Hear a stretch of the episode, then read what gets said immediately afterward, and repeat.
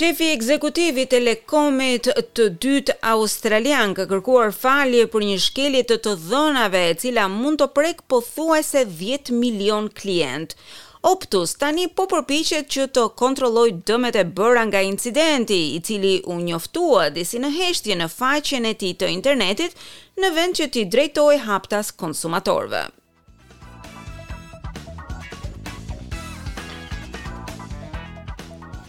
Kompania e telekomunikacionit Optus ka njoftuar se informacionet e klientëve janë kompromentuar e për këtë qëllim ka nisur dhe hetimet e nevojshme. Telekomi thotë se ka bllokuar menjëherë sulmin kibernetik dhe ka njoftuar Policinë Federale Australiane. Shefja ekzekutive, Kelly Bayer Rosmarin, thotë se ndihet e dërrmuar dhe i vjen keq për këtë që ka ndodhur. We understand that customers will be concerned and while it's not all our customers that have been impacted, openness and transparency. Ne e kuptojmë se klientët do të shqetësohen, e megjithatë, sipas të dhënave, jo të gjithë klientët janë prekur. Sinqeriteti dhe transparenca janë të nevojshme. Edhe pse incidenti dëmton reputacionin tonë, është në mirën e interesave të klientëve tanë. Ajo e përshkroi sulmin si të sofistikuar dhe tha se nuk do të zbulonte detaje të plota. Kompania thotë se fillimisht u vunë në dijeni rreth shkeljes përmes aktivitetit të dyshimtë, por nuk i informoi drejtpërsëdrejti klientët, përkundrazi e publikoi lajmin në internet.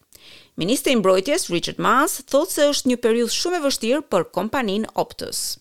Right now, the focus is on Optus's customers, making sure that they get the best information and the ACS. Për momentin, fokusi është tek klientët e Optus, duke u siguruar që ata të marrin informacionet e nevojshme nga Qendra Australiane e Sigurisë Kibernetike. Ne po punojmë me Optus për t'u siguruar që problemi të zgjidhet menjëherë. Në një deklaratë, Zyra për Ministren e Sigurisë Kibernetike, Clare O'Neil, thotë se ndihma teknike po ofrohet dhe australianët duhet të forcojnë mbrojtjen e tyre nga kërcënimet në internet. Por opozita thotë se qeveria duhet të japë llogari. Udhëheqësi federal Peter Dutton thotë se kjo është ndoshta shkelja më e madhe e të dhënave në historinë e Australisë. I think there are a lot of Australians who rely day to day on uh, their internet connection uh, on their telephone. Mendoj se ka shumë australianë që përdorin internetin çdo ditë në telefon dhe në pajisje të tjera në shtëpi. Kjo natyrisht i ka prekur shumë prej tyre sepse ka disa të cilët përdorin edhe të njëjtat fjalëkalime nëpër llogari të ndryshme. Shkelja lidhet me të dhënat e klientëve të kaluar dhe atyre aktual, duke filluar që nga viti dy mijë e shtatëmbëdhjetë. Aty përfshihen emrat, datat e lindjes, numrat e telefonit, adresat e e-mailit. Për disa klientë, publike janë bërë dhe detaje të tilla si adresa e shtëpisë, numri i patentës dhe pasaportës. Megjithatë, Optus thotë se detajet e pagesave dhe fjalëkalimet e llogarive nuk janë komprometuar.